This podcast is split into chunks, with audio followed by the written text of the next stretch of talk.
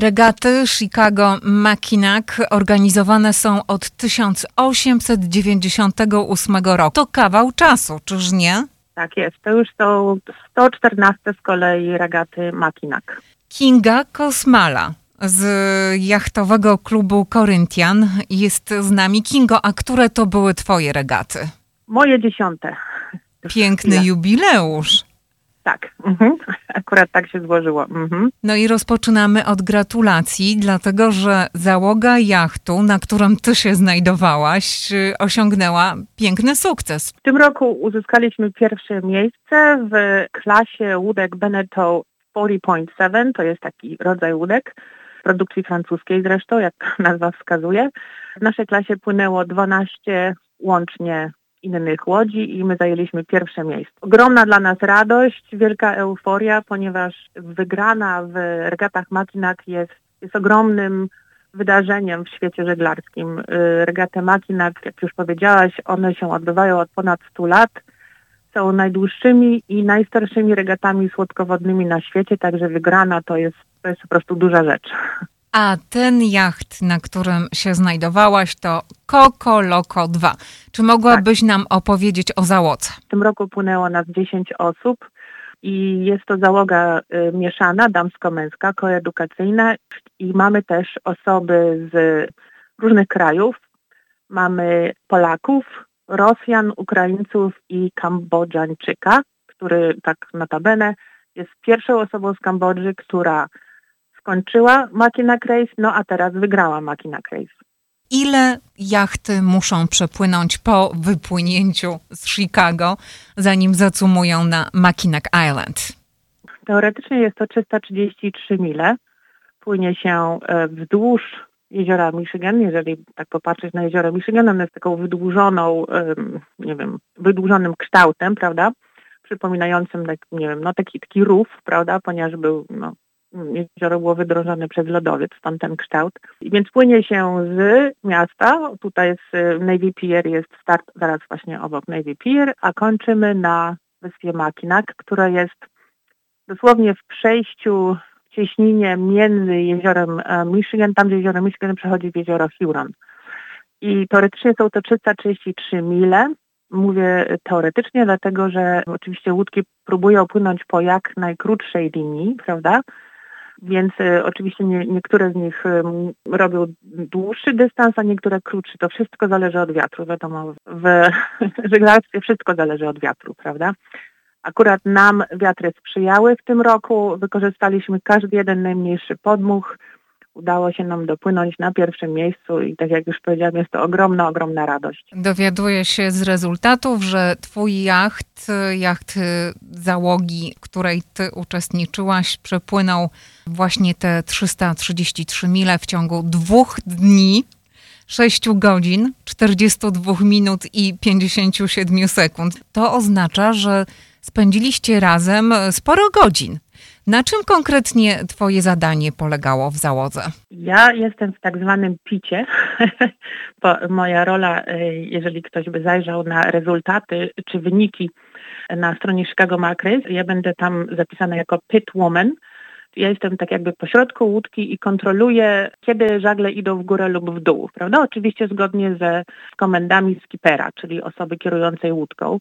Więc to jest moje zadanie. Ym, Wymaga ono dosyć dużo siły, no i oczywiście w momentach takich, kiedy dużo się dzieje, kiedy jeden żagiel spada, a drugi jest podnoszony, dosyć no, trzeba tam uważać, żeby się liny nie poplątały i żeby odpowiedni żagiel poszedł do góry w odpowiednim momencie. Jest to możliwe, żeby się na Nie. przykład nauczyć z książki, z filmów, z YouTube?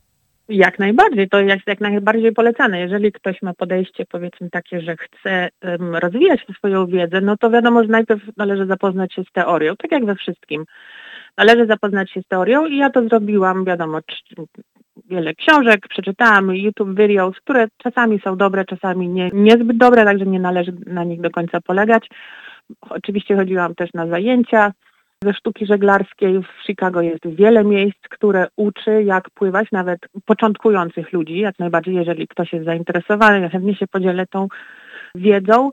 Natomiast oczywiście najważniejsze jest później ćwiczyć. No, trenować, ćwiczyć jak najbardziej. No jest, są sytuacje, kiedy nawet najlepiej opanowana teoria jednak nie pomaga i trzeba wiedzieć, co robić szybko, zgodnie, tak jak powiedziałam, z komendami skipera i teoria zawsze jest dobra, no ale jednak trzeba pływać, pływać, pływać. A jakim jest. skiperem jest y, Tomasz Kokociński?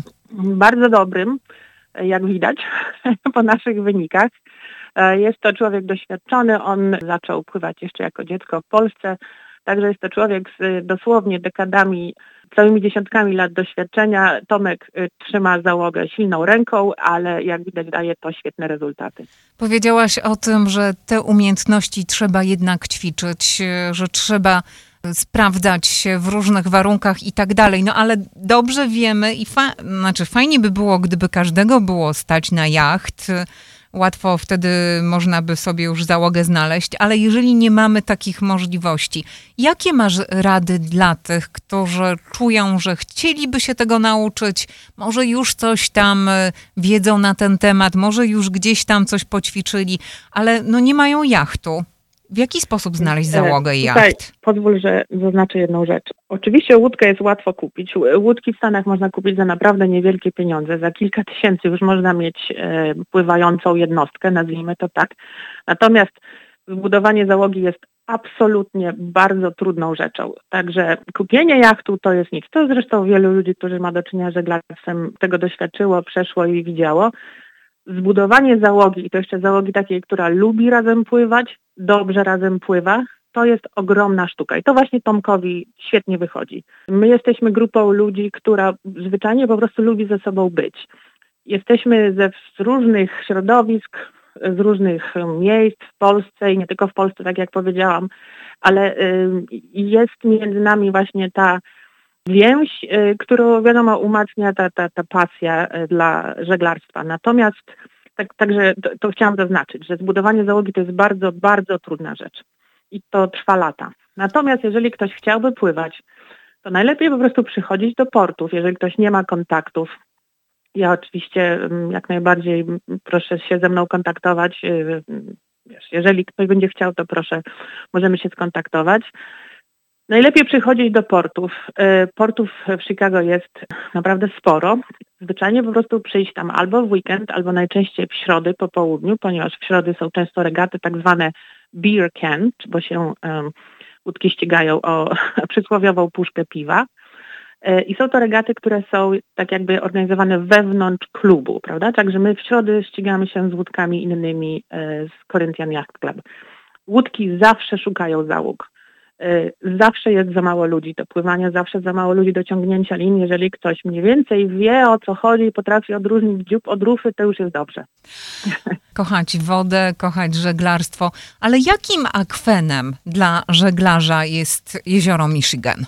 No więc właśnie dziękuję Ci za to pytanie, ponieważ e, wielu ludzi, zwłaszcza z Polski, gdy słyszy e, słowo jezioro, wyobraża sobie no, jezioro rozmiarów naszych kochanych Mazur, które są urocze i śliczne, ale no malutkie.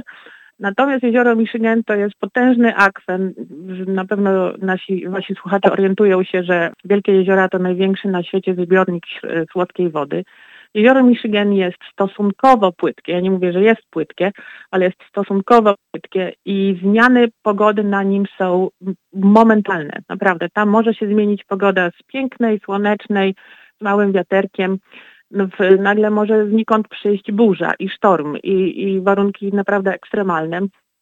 Ja pływam od regatowo, pływam od 13 lat i byłam już naprawdę w sztormach, które nie, nie odbiegają e, rozmiarem i, i szybkością wiatru od sztormów na oceanie. Także jest to bardzo trudny akwen. Tutaj często przyjeżdżają żeglarze z oceanów, żeby właśnie ćwiczyć to, że tak potrafi się pogoda zmieniać. Y, jezioro Michigan ma też taką, słynne jest tak zwanej takiej krótkiej fali, czyli jest to dosyć męcząca rzecz, kiedy jest fala i jest krótka i szybka i wysoka, prawda? Więc y, jest to akwent trudny, y, taki z wieloma wyzwaniami i tak jak powiedziałam, często służy doświadczonym żeglarzom, którzy pływają często na oceanach, żeby tutaj ćwiczyć inne zupełnie warunki. A czy w tym roku oprócz jeziora Michigan zaliczasz także inne akweny? W tym roku niestety nie, bo już nie mam wakacji, znaczy urlopów pracy. Bardzo chciałabym, bardzo byłoby to miłe, gdyby się udało gdzieś pojechać, popływać na jednym z oceanów albo na, na obydwu oceanach. Natomiast po prostu nie będę mogła wziąć wolnego już z pracy. Jeszcze raz gratulujemy. Przypomnę, że rozmawiałam z Kingą Kosmalą. Kinga była w załodze, która na jachcie Kokoloko 2 wygrała w swojej klasie. Przypomnij Kingo, e, jaka to klasa? Była to klasa Benetu 40.7. Ta załoga była właśnie mhm. najlepsza w tej klasie podczas y, tegorocznych regat Chicago Mackinac. Ty reprezentujesz Corinthian Yacht Club. Tak. tak jak y, powiedziałaś, jesteś chętna, żeby pokierować inne osoby, odpowiedzieć na pytania. Myślę, że, że można by się z tobą najłatwiej chyba przez y, Facebook skontaktować, Kingo. Tak, jestem na Facebooku pod e, własnym imieniem i nazwiskiem e, lub mogę też zostawić Tobie, Joanna, mój e-mail. Jeżeli ktoś będzie chciał, to, to proszę po prostu się odezwać przez e-mail. Zapraszamy do żeglarstwa, to jest przepiękny sport i, i Polacy są tradycyjnie dobrzy w żeglarstwie.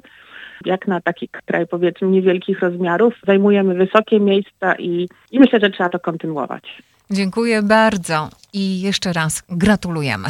Dziękujemy bardzo. Redakcja Dziennika Związkowego w Radiu 103.1 FM.